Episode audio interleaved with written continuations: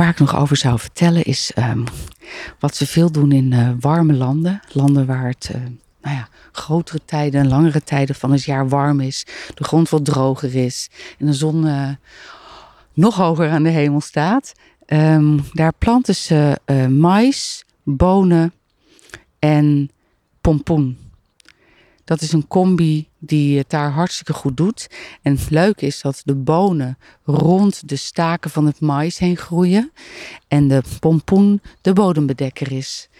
Um, maar omdat het hier best wel vaak heel warm is al vroeg in het jaar, schijnt het dat je dat hier ook goed kunt gaan doen. Dus eigenlijk wil ik dat volgend jaar gaan doen. En dan misschien wel op een, ja kijk hier links, ja kijk jullie zien niks, maar hier links heb ik... Uh, Even kijken of ze het nog een beetje doen. Ook moet ze wel weer een beetje vrijmaken. Maar hier staat een heel veld met, um, god weet die ding, frambozen. En dan hier is precies zo'n stuk waarvan je denkt: ah, oh, dat zou echt heel leuk zijn als hier dan dat mais met die bonen en die pompoenen zou komen te staan. Ja, want daar, staat, uh, staan een paar fruitbomen, een paar wilgen heb ik hier neergezet. Ach, dit is trouwens echt een superleuk hoekje als ik hier zo sta. Ja, hier ga ik ja, ja, hier komt het dan. Dan kan hier zo'n pad doorheen kronkelen.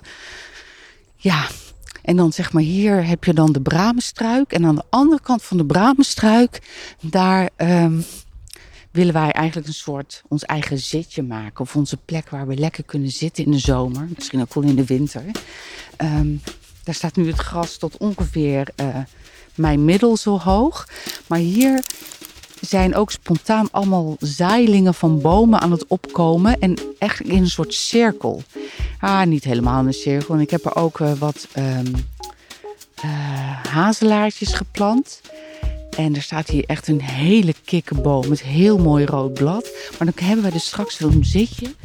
Te midden van een grote kring aan prachtige bomen. Ja, het wordt echt gaaf.